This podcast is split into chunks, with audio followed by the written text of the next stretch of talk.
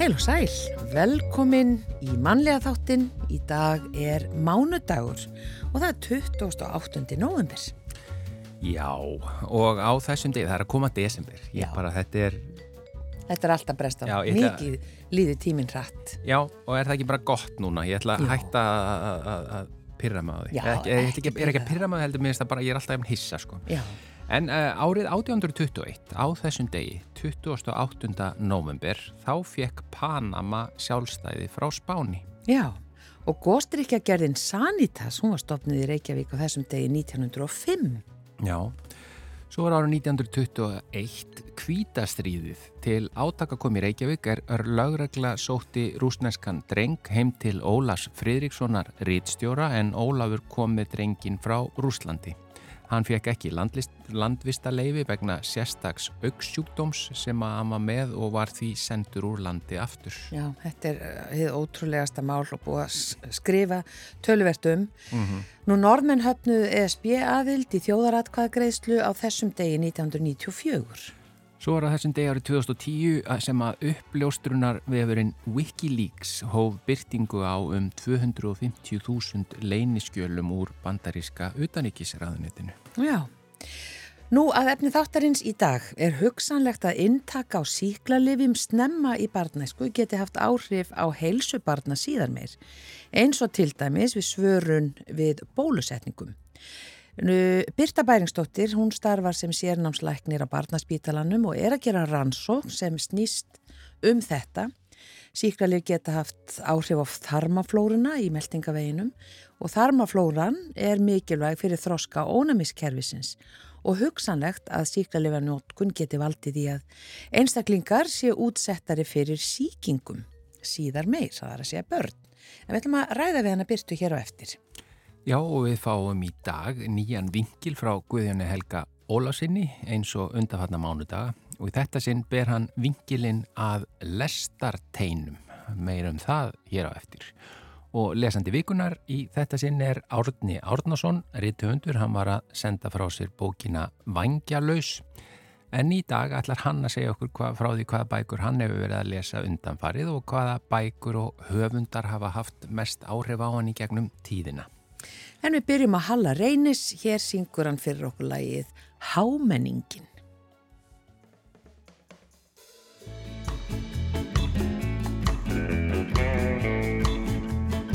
Á meðan symfónía nómas Týnir skáldið inn í hverinu Speklar er sján sig í glerinu Hér eru kvöldkjólar og glís Þar sem feldir eru dómar Gufar andinn upp úr glösunum. Drugnar elítan í frösunum Hér er að gerast eitthvað slís Þessa nótt byrti upp í borginni. Þá bröst gleðin upp úr sorginni. Þá var hámenningin til meðan einsöngvarinn tónar Og stígur létt á öllum skölunum. Brosa andlitinn á svölunum Hér far kampavín í skjól.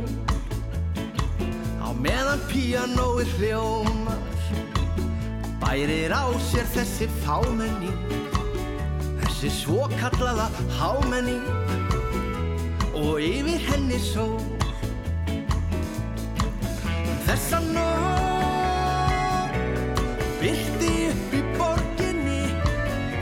braust gleðin upp úr sorginni Þá var hámenningin til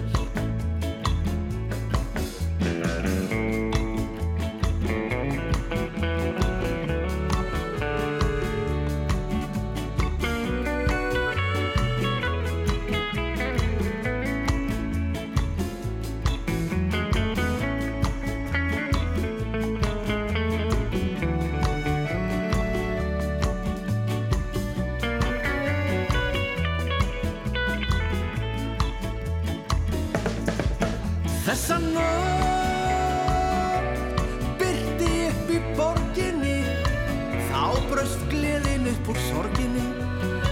Þá var hámenningin til. Á meðan symfónía nómar Týnir skáldið inn í hverinu. Speglar esjan sig í glerinu. Hér eru kvöldkjólar og glís Þar sem feldir eru dómar. Gufar andin upp úr glösunum Druknar elítan í frösunum. Hér er að gerast eitthvað slís Þessa nótt byrti upp í borginni. Þá bröst gleðin upp úr sorginni. Þá var hámenningin til. Þessa nótt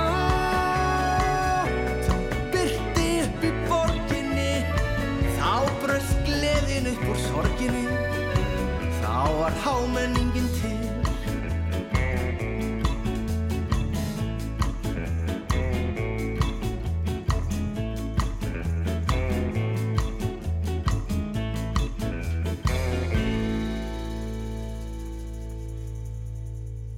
Það var Halli Reynis að syngja þarna lag, sitt eiginlag uh, sem heitir Hámenningin. Já, en við vorum að tala já um síklarlif og hvort það sé hugsanlegt að intaka á síklarlifjum snemma í barnæsku geti haft áhrif á heilsu barna síðar meir eins og til dæmis uh, hvað var það síkingar og svörun við bólusetningum og hún Birta Bæringsdóttir starfa sem sérnámslæknir á barnaspítalanum og hún er að gera rannsók sem snýst um þetta. Velkomin til okkar Birta. Takk fyrir.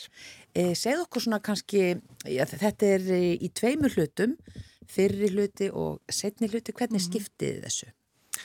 Já, sko svona heilt yfir þá er einmitt það sem að við erum að skoða er sem sagt hvort að það sé einhver tengsl á milli síklarlifja notkunar eða síklarlifja útsetningar snemma á efinni og alls konar heilsufarst þátt að síðar í bardasku.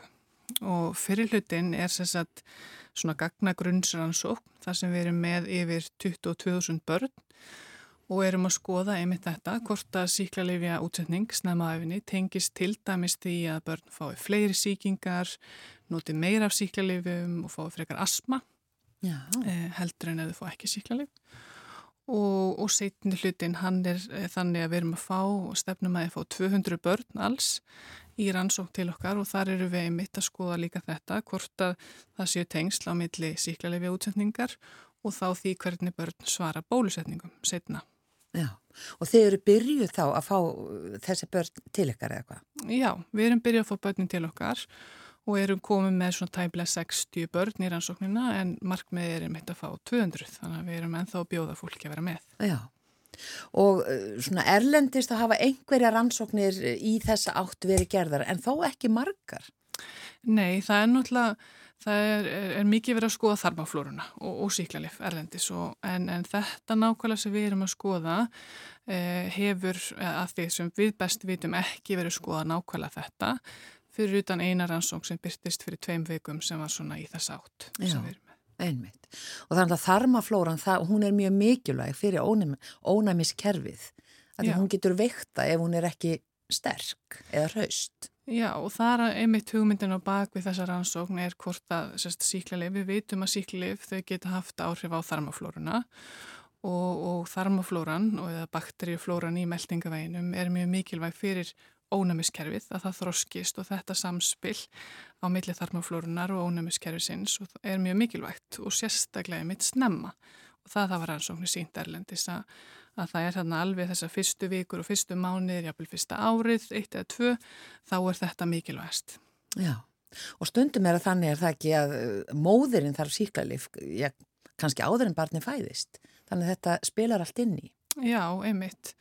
Og, og við erum einmitt með, við erum með nokkra hópa í okkar rannsókn og við erum með, við erum með börn sem hafa fengið síklarlif sjálf á fyrstu vikunni en við erum líka með hóp þar sem að móðurinn fekk síklarlif í fæðingu og svo erum við með hóp þar sem að hérna e, voru valkísar eða sérst, mömmunar fá þá síklarlif líka í, í, í aðgerðinni. Já. Þannig að börnin sem þeir eru að rannsaka þau eru öll sem hafa fengið síklarlið svona mikið snemma, alveg bara, alveg bara, jafnvel fyrir fæðingu og bara fyrstu dagana eða vikunnar. Já, þetta er bara alveg í kringu fæðinguna Já. í gegnum móður eða bara á fyrstu vikunni.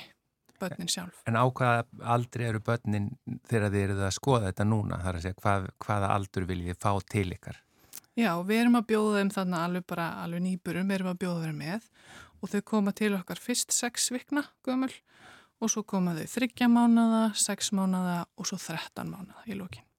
Já.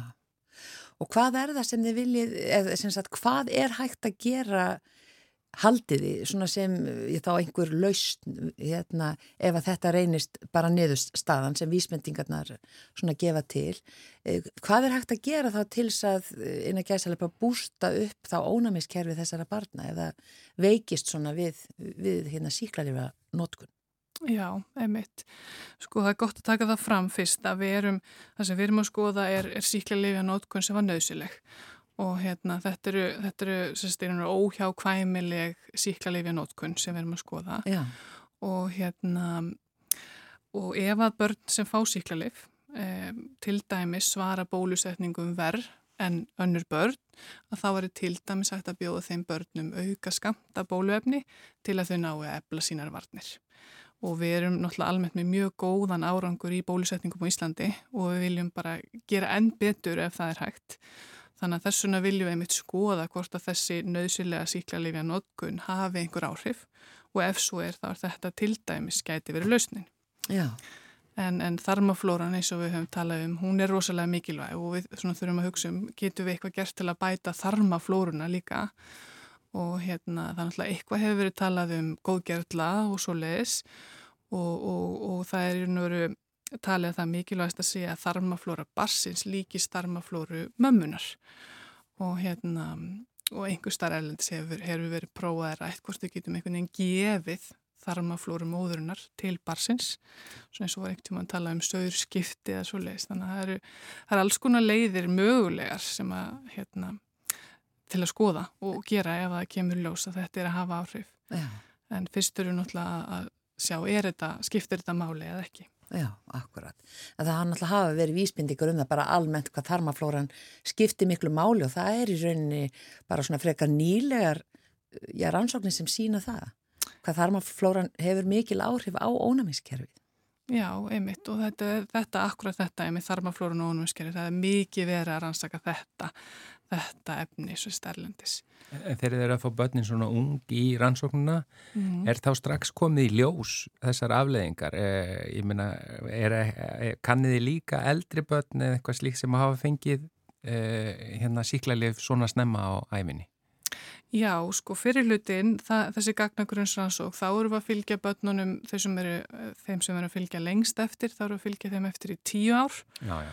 Og, og þá eru við sérst að skoða einmitt hvort þau fái fleiri síkingar, notið meira af síklarlifum og, og, og fleiri helsufastætti setna og fyrstu svona niðurstöðnar í þeirri rannsók sína að það eru tengsl á milli síklarlifunótkunar eða útsetningar snemma og því að börn fái fleiri síkingar, notið meira síklarlifum og meiri hætta á asma.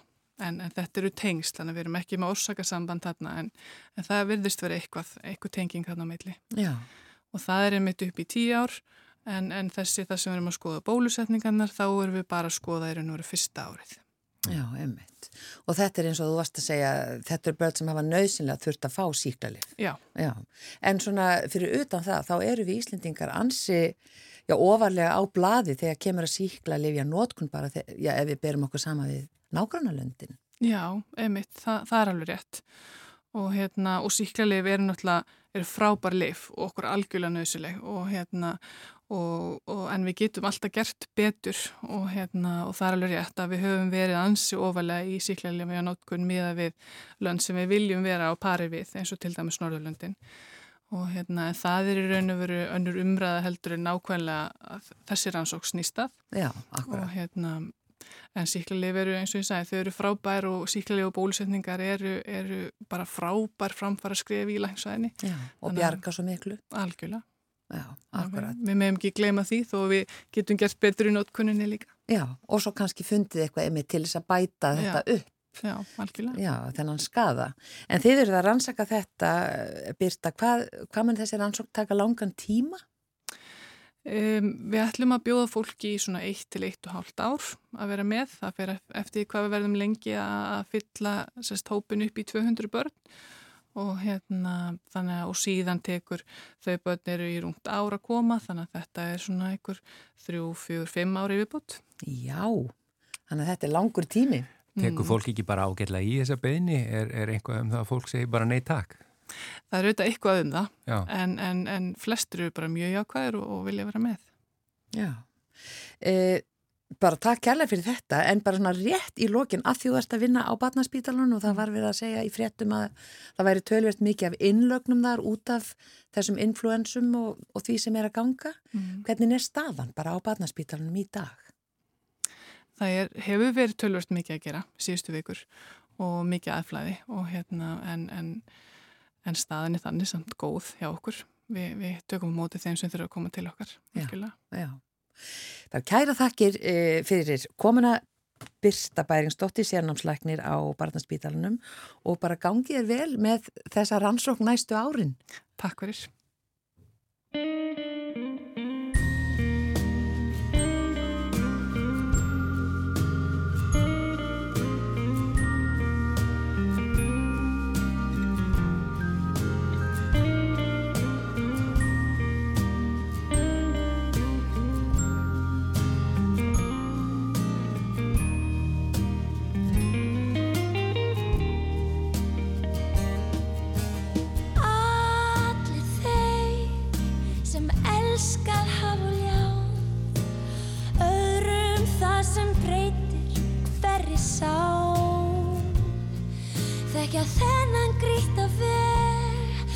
Sem þrautin agaleg Veikir lífsins vilja bandar má Maður fellur sem flýgur sig ávalt með stígur.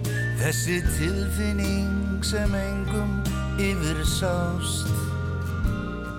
Er ég hugsað um þig? Hvernig fetum þennan stig þetta flókna fyrir bæri það er ást Brosandi sólinn Blikandi regn heldur mér fögnum en ert mér um megn. Ég er æður að sjá, þú ert alltaf mér hjá. Ást er æði.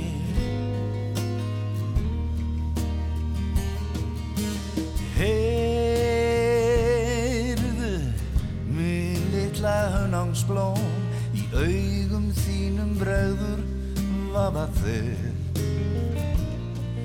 Ég vil segja þér sem fyrr Að þú skalt vera hjá mér kyrr.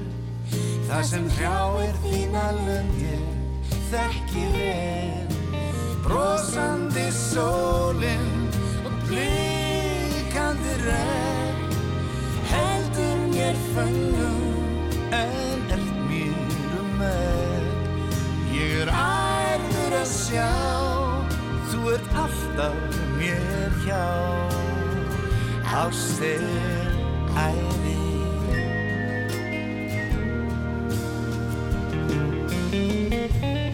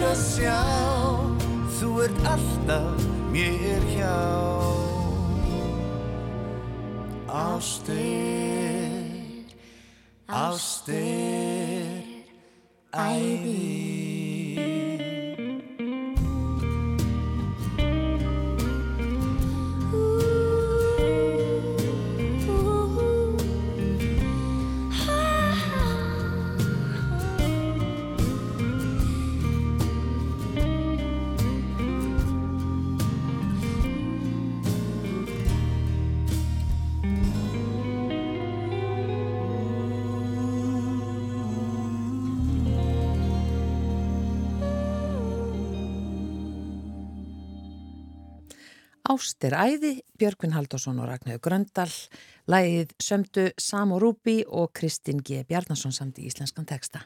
Þá er komið að nýjum vingli frá Guðjóni Helga Ólasinni. Hann hefur sendt okkur vingla hér eða pistla sem hann kallar vingla á mánudugum og í dag ætlar hann að bera vingilinn að lestarteinum. Ágætu hlustendur, kannski höfum við Íslendingar stíð feilspor varðandi þróun samgöngumannvirkja á landi. Hér eru nefnilega engar hjárnbrautir.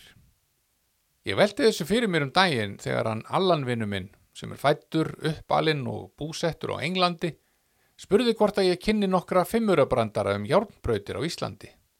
Slíkir brandarar hitta gerðan í mark á hans heimaslóðum, en það nóg til bæði af fyndnu fólki og hjárnbrautum. Þar eru líka gríðarlega margar alkrár sem verða nú að teljast frjór akur fyrir þá sem þykjast fyndnir og hafa ræktað með sér löngun til sáningar brandarakorns með hláturs uppskeru í huga. Og margir uppistandarar hafa í kjölfar velgengni við að kreista hlátur úr samborgurum sínum á hverfiskráni haft slíkt að atvinnu síðar meir. Ég get alveg játað að pöpparöld okkar félaga hefur æfinlega verið stór skemmtilegt. En þó að slíkt sé ekki þaul skipulögð yðja, vil ég samt nefna eina vinnureglu innan gæsalappa hjá okkur. En hún er að stíga aldrei fætiðin á krá sem ekki hefur merki kamrasamtakana límt á rúðuglir staðarins. Til að fyrirbyggja allan miskilning eru þau góðu samtök ekki til verndar og upphafningar á fornum aðferðum við að farga úrgangi. Heldur er um að ræða samtök breskra neytenda til verndar hefðbundnum aðferðum við bruggun og neistlu þess sem að þarlendir kalla ekta öl eða real ale, jamframt cider og perri sem eru ögn áfengir drikkir, gerðir annars vegar úr eplum eða hins vegar úr perum. Við þekkjum ekki vandamálinn við að koma í nýtt umframbyrðum af slíkum eðalávöxtum hér á Íslandi, hvað sem síðar verður, því að nú keppast allir almennilegir garðeigundur hér við að rækta ávaxtatré og bruna í helgar bíltúrnum til hans Óla, austur í náttaga í Ölfusi og líka í Flóru eða Borg í Hveragerði og velta fyrir sér mun á yrkjum, epla eða perutrjóa og hvort að þau muni nú þrýfast við bústaði þeirra. Ég vonast til að lifa svo lengi að ná að brugga úr íslenskum eplum. Mikið held ég að það verði gaman. En mesta áskorunin verður nú sennilega að fá einhvern til að smakka þetta. En sem sagt, Kamra er skamstöfun á Campaign for Real Ale og ég lofaði honum vinið mínum að stíga aldrei fætiðin á krá á Breitlandsegjum sem ekki hefur merkið samtakana við ingangin. Ég hef þó leifi til að stíga inn á krár sem ekki hafa merkið við ingang ef grunur vaknar um að límiði með merkið samtakana hafi dottið af, kannski við glugga þvott, en þá ber mér að ganga rakleiðis að barnum og sjá hvort að barþjónar noti handvirkar dælur til að fylla á klösin. Vilji þannig til að öli staðarins sé fretað með þrýstilofti í neyslu ílátin, ber mér snemmendis að snúast 180 gráður og ganga út af forretningunni. Yrða þar ekki á nokkurt mann og líta korki til hægrinni vinstri og sína í fasi greinileg enkenni vannþóknunar. Það getur verið gaman að skoða úrvalið á hinnum ymsu krám og taka sér góðan tíma til þess, en það er auðvitað nöðsynlegt að hætta analýseringum á dælumannvirkjum kráareganda og fyndni gesta þeirra áður en síðasta lest leggur af stað heim. Bretar hafa langa hefð fyrir hjárnbrautum og meira en það því að fyrsta hjárnbrautalesti í reglubundnum rekstri í heiminum var stopnsett af George nokkrum Stevenson árið 1825 millir bæjana Stockton og Darlington á Englandi. Lestin Sú var uppaflega ætluð til að flytja kól, en við getum rétt ímyndað okkur hvort að mannskapurinn hafi ekki verið til í að þykja far, jafnvel þó að það byðist ekki. Fimm ár liðu svo þanga til fyrsta sérstaka farþegaflutningalestin tók að þjóta eftir teinum á milli nágrannabæjana Manchester og Liverpool. Nú var grunnurinn lagður að sigurgöngu járnbrautarna um allan heim. Stevenson þurfti að leysa ímsarþrautir til að koma járnbrautinni á koppin og ein af þeim var að ákveða hversu langt bíl skildi vera á milli lestarteina. Hann hugsaði kannski sem svo að ef þetta járnbrautabyggs hjá sér næði ekki miklum almennum vinsældum, var rétt að þeir sem ættu hestvagna gætu þó kannski notað teinana. mikið minni mótstaða við hjólinn og auðveldara að draga. Hann tók sér því tommustokk í hönd og mældi fjarlæð á milli miðju hjóla á 100 hestvögnum enskra bænda.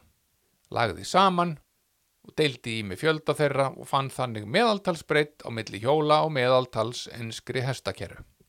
Sú tala, fjögur fett, 8,5 tomma eða 143,5 cm er alls engin tilviljun. Það er nefnilega sama breytt og er frá miðju spori í mitt spor á kerruvegunum sem Rómverjar letu gera 2000 árum fyrr og breytar, bandaríkjamenn og eiginlega vel flestir hafa notað sem mæli stiku á þetta æg síðan. En af hverju skildur Rómverjar hafa lagt alla vegi í sínu gríðarlega heimsveldi með fjögur fett 8,5 tómmu spor í spor? Það er alls ekki tilviljun, heldur meðaltalsbreytt tveggja rómverskra hesta sem ganga hlið við hlið og draga kerru. Við getum því sagt með vissu að sporvít flestra hjárnbrauta í heiminum ráði rassbreytt fyrir tíðar hrossa. Stingiði því í töflureiknin á ykkur. Áður en lengra er haldið er kannski rétt að fara yfir nokkur hugtök. Lest er auðvitað gamalt íslenskt orð. Við eigum líka fyrirbærið heibandslest sem er notað um tvo eða fleiri hestar sem ganga í röð og bera bakka húsbænda sinna. Þannig að hjártbröytarlest eru margir hjártbröytarvagnar sem tengdir eru saman og annarkort dregnir eða þeim ítt af vélknúnum dráttarvagni. Hann kalla breytar engine upp á sína tungu og nota það orð líka um aflvélar bifreiða og fleiri tækja. Þegar gufurvélar voru allsráðandi sem aflvélar hjártbröytarlesta var hún staðsett í dráttarvagninum. Á honum var ketillin fremstur og gufan búin til þar með því að brenna kólum í eldhólfi vaksins. Kólunum mókaði maður sem kallaður var kindari. Þarnast ekki skýringar við og ég kvel ykkur ekki með fleiri tækni orðum á sinni en vil þó nefna að íslenskan er auðvitað fátækari að orðum og orðasamböndum um lestir, lestarferðalög, vinnu við rekstur þeirra upplifun ferðamanna og yfirleitt allt annað er varðar þessa atvinnugrein vantar eiginlega alveg í tungumál okkar.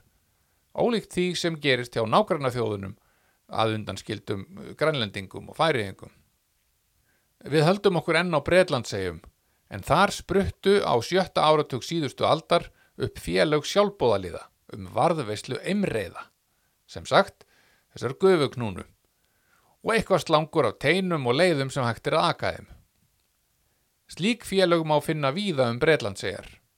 Þau eru mörg með töluverða starfsemi en það þykir mörgum bretum væntum sínar einbreiðar og tengja þær við hinn mynda gullaldartíma breska heimsveldisins. Sem dæmi um það er að árið 1845 voru fleiri einbreiðar á Breitlandsegjum en mótti finna annar staðar á jörðinni. Sumum finnst nú galið sport að eigða frítíma sínum í viðhald og rekstur gamalla einbreiða. Sem það kannski er en kvikmyndaunnendur þakka sínum sæla fyrir þessi félag og starfsemi þeirra. Nægir að nefna vel varðveita emreið með nafnið 5972 Olton Hall. Nú taka unnendur kvikmyndana um Harry Potter væntanlega kipp, margir þeirra þekkja nefnilega sögu 5972 Olton Hall en fyrir okkur hinn er kannski við hæfið að nefna að emreiðin er 70 tonna þyngd og var framleitt árið 1938 hjá Swindon Works starfstöð Great Western Railways. Hún er af 460 gerð sem þýðir að fremstu fjögur hjól hennar eru burðarhjól og ketillin er þar fyrir ofan. Síðan koma 6 drifhjól eða þrjú kvoru megin tengd með drifstöngum og nullið aftast segir okkur að fyrir aftan drifhjól séu engin burðarhjól. Eimreiðin var stöðugt í rekstri til 31. desember 1963 og var þá seld í brótajárn en til mikillar mildi dróst eitthvað að rífa greið og árið 1981 var ákveðið að sleppa því alveg og 94 var byrjað að gera hana upp. Universal Studios kvikmyndafyrirtækið hefur 5972 Olton Hall á leigu og er hún til sínis á sapni með hlutum sem koma við sögu þegar myndirnar um Harry Potter voru gerðar sem er greinilega ábatasamt því að þeir hafa látið gera þrjár eftirlíkingar í fullri starð sem eru til sínisjáðum á Flórida í bandaríkjum Norður Ameríku. Já, við hefum enga lest hér á Íslandi, þó til skams tíma hafi nú verið jábröyti Reykjavík sem flutti grjóð til hafnargerðar og unur öskjulíð, en hún var bara í nótkun frá 1913 til 1917 og endanlega fjarlægð í setni heimstyrjöldunni. Við virkjun Káranhjúka var sett upp járnbraut vegna gangnagerðar og fjarlægð aftur.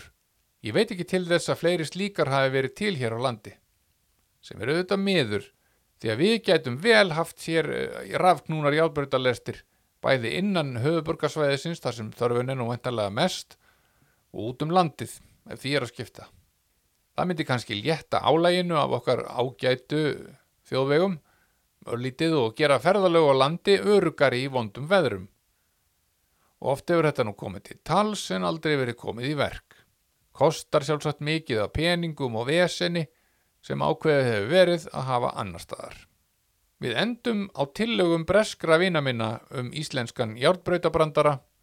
Ég baði um að koma með eitthvað fyrir vinkil dagsins í dag og það vill svo til að það er má auðveldlega samina í einn.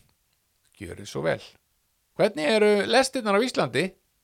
Það eru hljóðlausar, mengrunarlausar, farþegarnir kvart ekki, það eru ekki á seinar og það sem er verst, það er koma sennilega aldrei. Góðar stundir. My little sister's in the front seat with an ice cream cone. My mom's in the back seat sitting all alone. So my pa steers her slow out of light for a test drive down Michigan Avenue. Now mom she fingers her wedding band and watches the salesman stare at my old man's hand. She's telling us all about the break he'd give us if he could, but he just can't. But if I could, I swear I know just what I'd do. Now, Mr. Day, the lottery I win, I ain't ever gonna ride no used car again. Now the neighbors come from near and far as we pull up in our brand new used car. Wish she just hit the gas and let out a cry. Tell them all they can kiss our asses goodbye.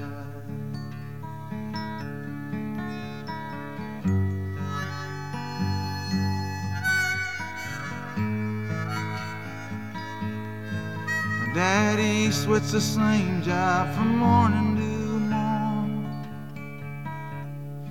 Me, I walk on the same dirty streets where I was born. Block, I can hear my little sister in the front seat blowing that horn. The sounds echoing all down Michigan Avenue. Now, Mr. The day my number comes in, I ain't ever gonna ride no used car again.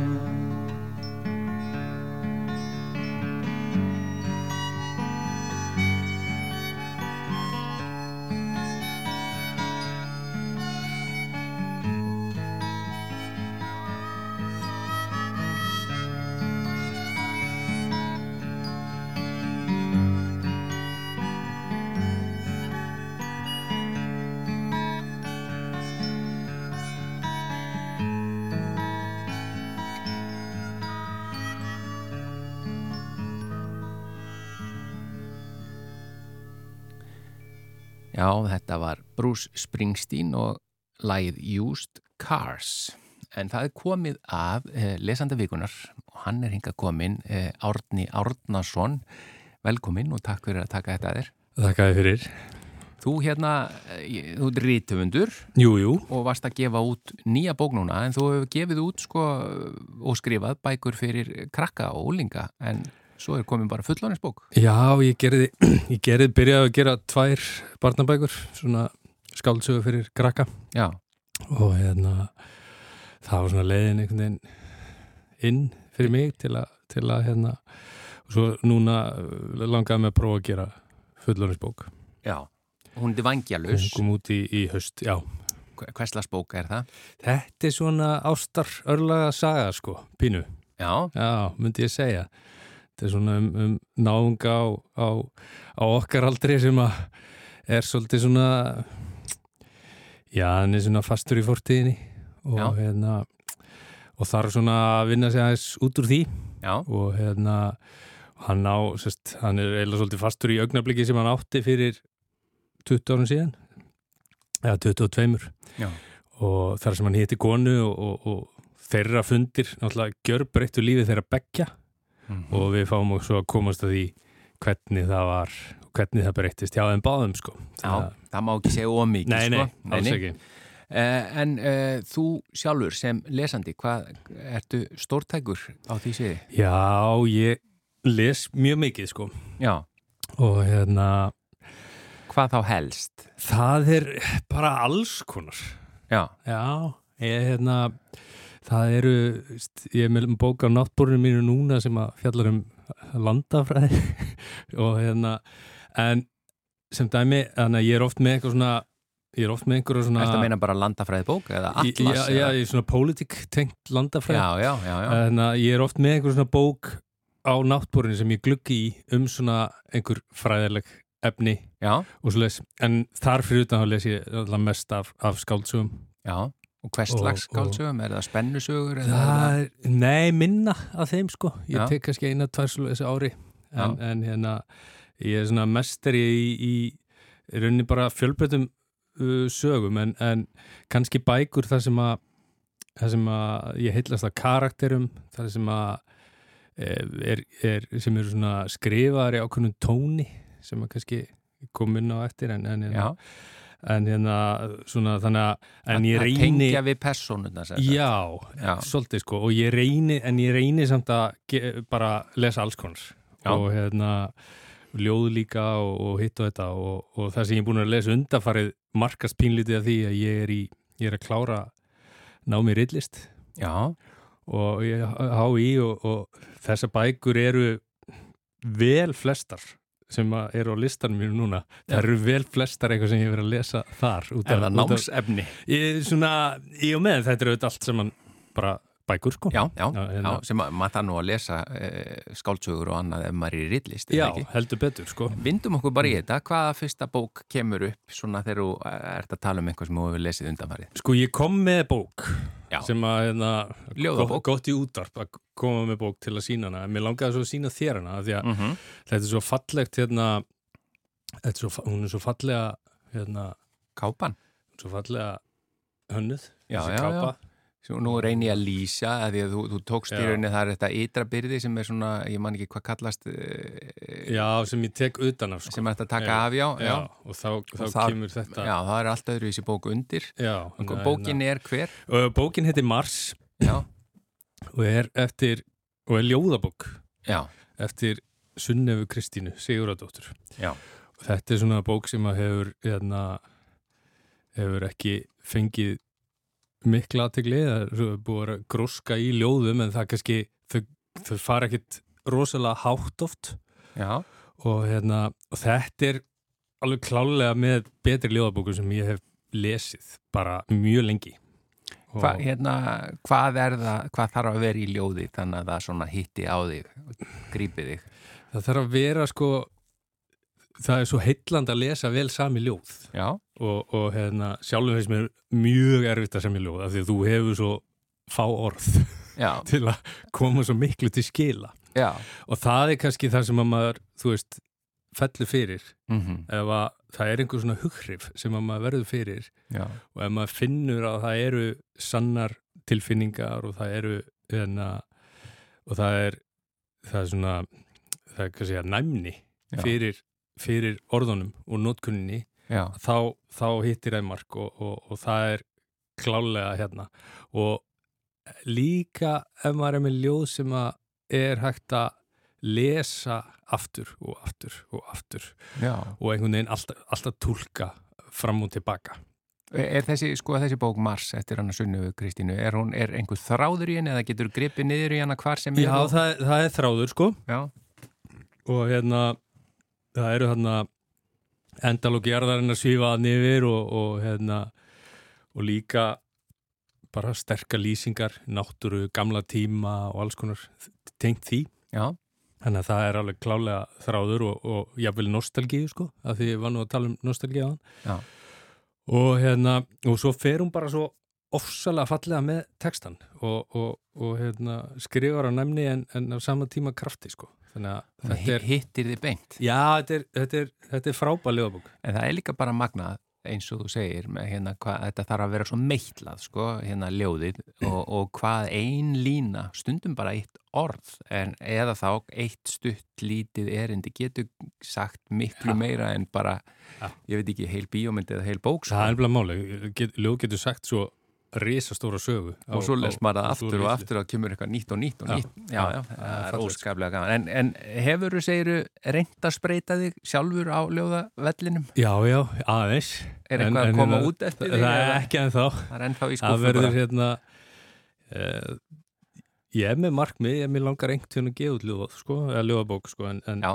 það er örgulega langt í það, sko. Þetta gerist frekar hægt, sko. Ég, og, ég og svolítið auðvöldara með, með hitt, sko, prósan. Hvað er næsta bók? Uh, Ólöf Eskimói Já, er bók sem ég var að klára eftir Ingu Dóru Björstóttur. já, Það er bók sem kom út 2004 og er söguleg bók sko, hún fjallar um dvergavaksna íslenska konu já. sem lifði í áratví á því að þykjast vera Eskimói í bandaríkjum Einmitt, já. og þetta er mögnu saga. Hún hélt- vann í sirkus? eitthvað? Já, sko, hún byrjaði að vinna í sirkus og svo var hún bara mjög virtu fyrirlesari Já, já, og hjælt fyrirlestra og, og, og, og um það hvernig var að vera Eskimói.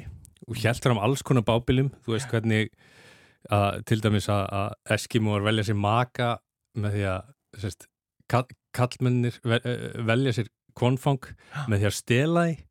Og ef þeir eru gripnir að stela þá verða þeir drefnir og, og annars bjó fá þetta þeir bara ekki að giftast, hún bjóði bara til sko og hún, hún bjóða líka til að Eskimóar sérst, eh, ljósarir og bláeir en ekki bara svona skítur og ég segi Eskimóar af því að það er orðið sem hún notaði sko. Já, já.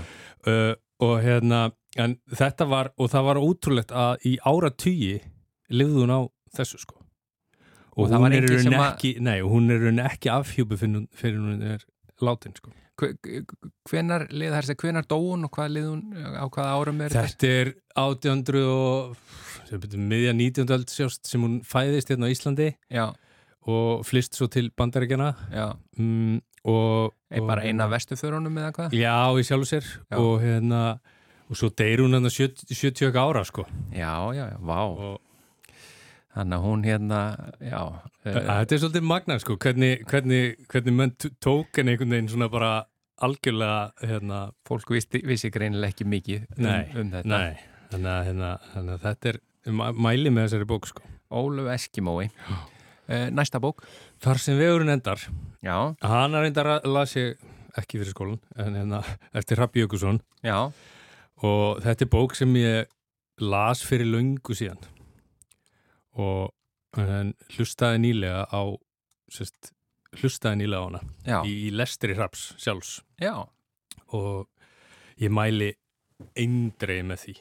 Það er hérna þetta er þetta er indisli bók Mm og, og hann fléttar svo skemmtilega saman æsku minningum við fortíðasögur uh, með heitlandi náttúrulýsingar og, og mannlýsingar og svo er náttúrulega mjög náttúrulega einstaklega vel lesin líka, gaman að hlusta á hann lesana sko já. Hlustaður á hana eftir að hann lést. já, Já, það var svona eitthvað, eitthvað sem að, já, það er að bókin hann já, og það hefði svo gjarnamátt liggja meira eftir hann vegna þess að gríðala fær höfundur sko já. Já, þar sem vegurinn endar. Uh, ertu með aðra bók? Jú, fullt af bókum Já, hvað er með, með allan eina en? Herðu, já, hérna Eyjarnas Múmin pappa Já, já, já. já, Eftir Tói Jansson Já. Það er svona crossover um að slettir mm, bókmyndir, eða svona crossun já, vegna þess að hún er alveg mikið fyrir fullotna eins og börn Já, Þetta er svona skaldsaga og, og, og hún er opin fyrir alls konar tú, túlkun. Það er, það er alveg merkilegt með múminálana, sko, hvað á hvaða stað er hitta hjá fólki. Það er að sko. Ég, ég er einn af þeim sem að ég bara náði þeim ekki þegar ég var yngri, sko. Nei, sama Ég- hér. Ég bara, þetta, að, þetta höfðaði bara einhvern veginn ekki til mín Nei. og ég að, ég beið bara að teiknumyndina voru búinar.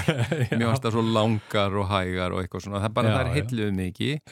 Svo fór þetta að heilla mig meira eftir ég var eldri. Já, það er eiginlega, ég, ég, ég tengi við það og, og, og, hérna, og þarna til dæmis í þessari bók, þú veist, það, það er verið að, að takast á við hérna, þunglindi og deburð, þú veist, hérna, hlutverk í lífinu, breyting á hlutverki í lífinu, sko. Já, Svo er þetta þroskasaga líka, múminsnaðin er að fullorðnast og, og fatta alls konar, pappin er alveg í ruglinu og, og þannig að þetta er hérna þetta er, þetta er í rauninni að marganátt miklu mei, ég held að sko, við lesum hana þannig svo veit Mhm. ég, svona til að lesa börnana allt öðruvísi, sko en, hérna, en það er gaman, þetta er svolítið skemmtilegt, sko, hvernig að lesa svona hérna, bókmyndir sem að einhvern veginn taka báða eða alla aldursópa í sjálfu sér.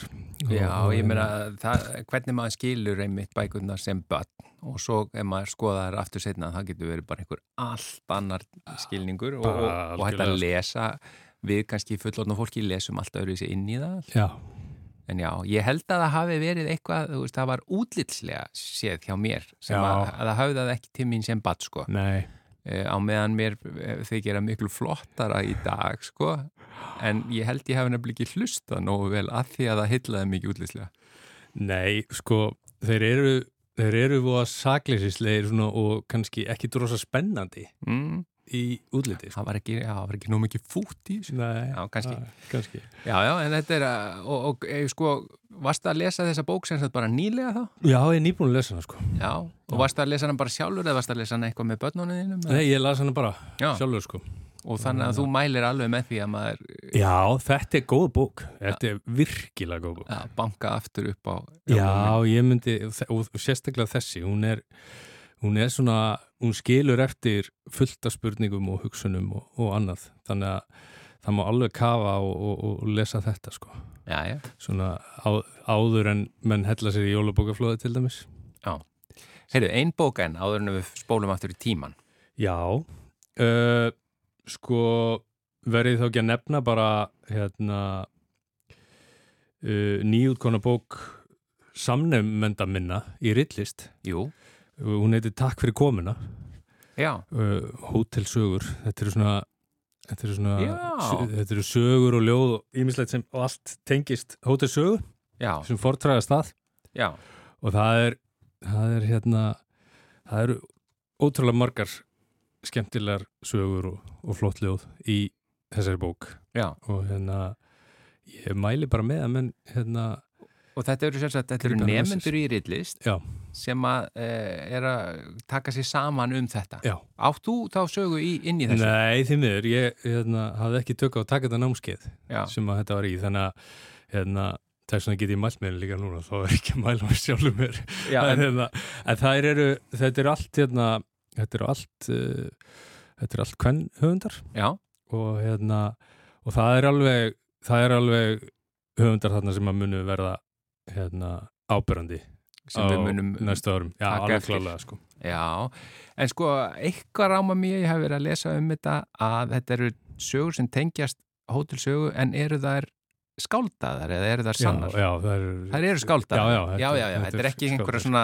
ekki einhverja Nei, ég minningasögur er svo sem ætla ekki nei, en ég ætla svo sem ekki að, að sverja fyrir það að eitthvað, eitthvað ekki stóði í raunurleganum eins og það, það eins, og, eins og oft er sko. Já, já, uh, ok, og þetta er takk fyrir komuna hótelsögur eða Já, já, hún heiti takk fyrir komuna.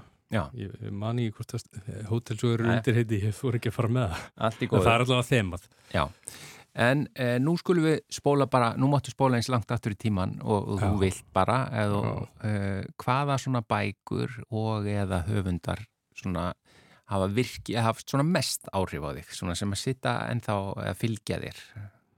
Já, ég hugsaði þetta mjög mikið sko. Mm. og hérna árið komingað og, og hérna og svona kannski ef ég nefni sko, ég hef alltaf ég hef alltaf haldið mikið upp á sjón. Já, og hérna manstu hvaða bóku last fyrst eftir hann? uh, nei, ég mann það nú ekki. Það var, var einhver ljóðabók, alveg potið sko. Mm -hmm. og hérna, en svona uppáhaldsbóki mín eftir hann er, er eiginlega Mánasteinn. Já, og hérna mér finnst það frábærsaga og, og hérna hún náði mér einhvern veginn alveg. Já. og hann er ofsalega klár í því að nota ekki ofmörg orð Já, til, til að, að hérna, segja hlutina. Þannig að, hérna, þannig ég hef alltaf verið mjög hrifun honum. Já, og, svolítið stundum á það bara skilt við ljóð. Já, já, já, algjörlega. Og mjög ljóðrænt og, og, og, hérna, og fallegu texti uh, Svo náttúrulega þegar þessi tími ásins að þá, þá fer maður að taka upp aðvendu núna eftir Gunnar Gunnarsson Já, já, já. Hvenar, Og hérna- hvað varstu gammallir og last hana fyrst? Ég man það ekki sko, ég hef ör- örgulega 20 eitthvað sko Já. og hérna, ég kann held ég betur að meta hana núna sko Já, það er flott bók, svona í einhvern veginn einfallleika sínum og hérna, hvernig hún einhvern veginn fangar jóla andan sem eitthvað sem að gerist bara innra með okkur. Já, og hérna og hérna þannig að og lýsir á sama hátt veist, hérna, erfiðum veruleika þannig að, þannig, að, þannig að það er svona bók sem hefur, hefur lengi verið með manni sko. Uh, og ég get nefnt alveg endalast á höfundum sko Vigdís Grímsdóttir. Já, mér veist hún hérna einhver bók sérstaklega þar. hún er heitlandi, já þú veist um, ég las, síðasta bók sem ég las eftir hennar var Dísusaga Já, sem er nú svona heila sjálfsæðisuleg og, og hérna þannig að, hún hefur svona segja, gert merkilega hluti og, og, og, reynir svolítið á þolri vinnmanns stundum þegar maður er að lesa sko. Já, og það er alveg skemmtilegt líka þó, það sé oft gaman að lesa eitthvað sem er hérna, sem er, er rennuljúft já, að þá er líka alveg stundum gaman að fá að, býtu var þessi raunverulegur eða var þessi, hérna, býtu hvað var þessi að, hérna, það er já, svo já. skemmtilegt sko. Já, já, já. og hérna, og svo eru svo eru tveir svíjar sem að ég er búin að afskapla hrifin af undanfarinn ár, það eru þeir hérna Fredrik Backmann og, og Jónas Jónasson Já, sem er að skrifa svona báðir daldið svona Backmann skrifaði til dæmis eh, maður sem heitir Óve já, og, og, hérna, og fullt af fleiri bókum sko. Jónas skrifaði Gamlingjan sem, Já, báðar, báðar frábæra bækur. já og þetta eru svona þetta eru svona, er svona tótni í þessu sem ég er hrifin af Já, Þetta ég er held svona- meir sér að sé að koma Hollywood mynd núna með Já. Tom Hanks um hérna maður heitir já, Óve. það getur passað Nefn sko. hann heitir eitthvað annað á Otto held ég á ennsku. já, þannig að, þannig að og það eru, þetta eru svona það sem ég detti í þetta er svona eiginlega uppáhalslesturum minn það eru svona bækur sem flæða vel en eru, eru daldið svona æfintilega nýtnar Já. og, og hérna og svolítið skemmtilegar og svo kannski langum að nefna lókum Pól Öst, Oster sem Já. að ég svona hefur ég hef alltaf haldið mikið upp á bara síðan ég las hendingu held ég kringum tvítugt fyrst. Átni Átnarsson, uh, þakka þér einlega fyrir að vera lesandi vikunar í þetta sinn. Takk fyrir mig. Já, og þá bara þættinum lokið í dag. Við verðum auðvitað hér á sama tíma morgun þökkum innilega fyrir samfélgina. Verið þið sæl.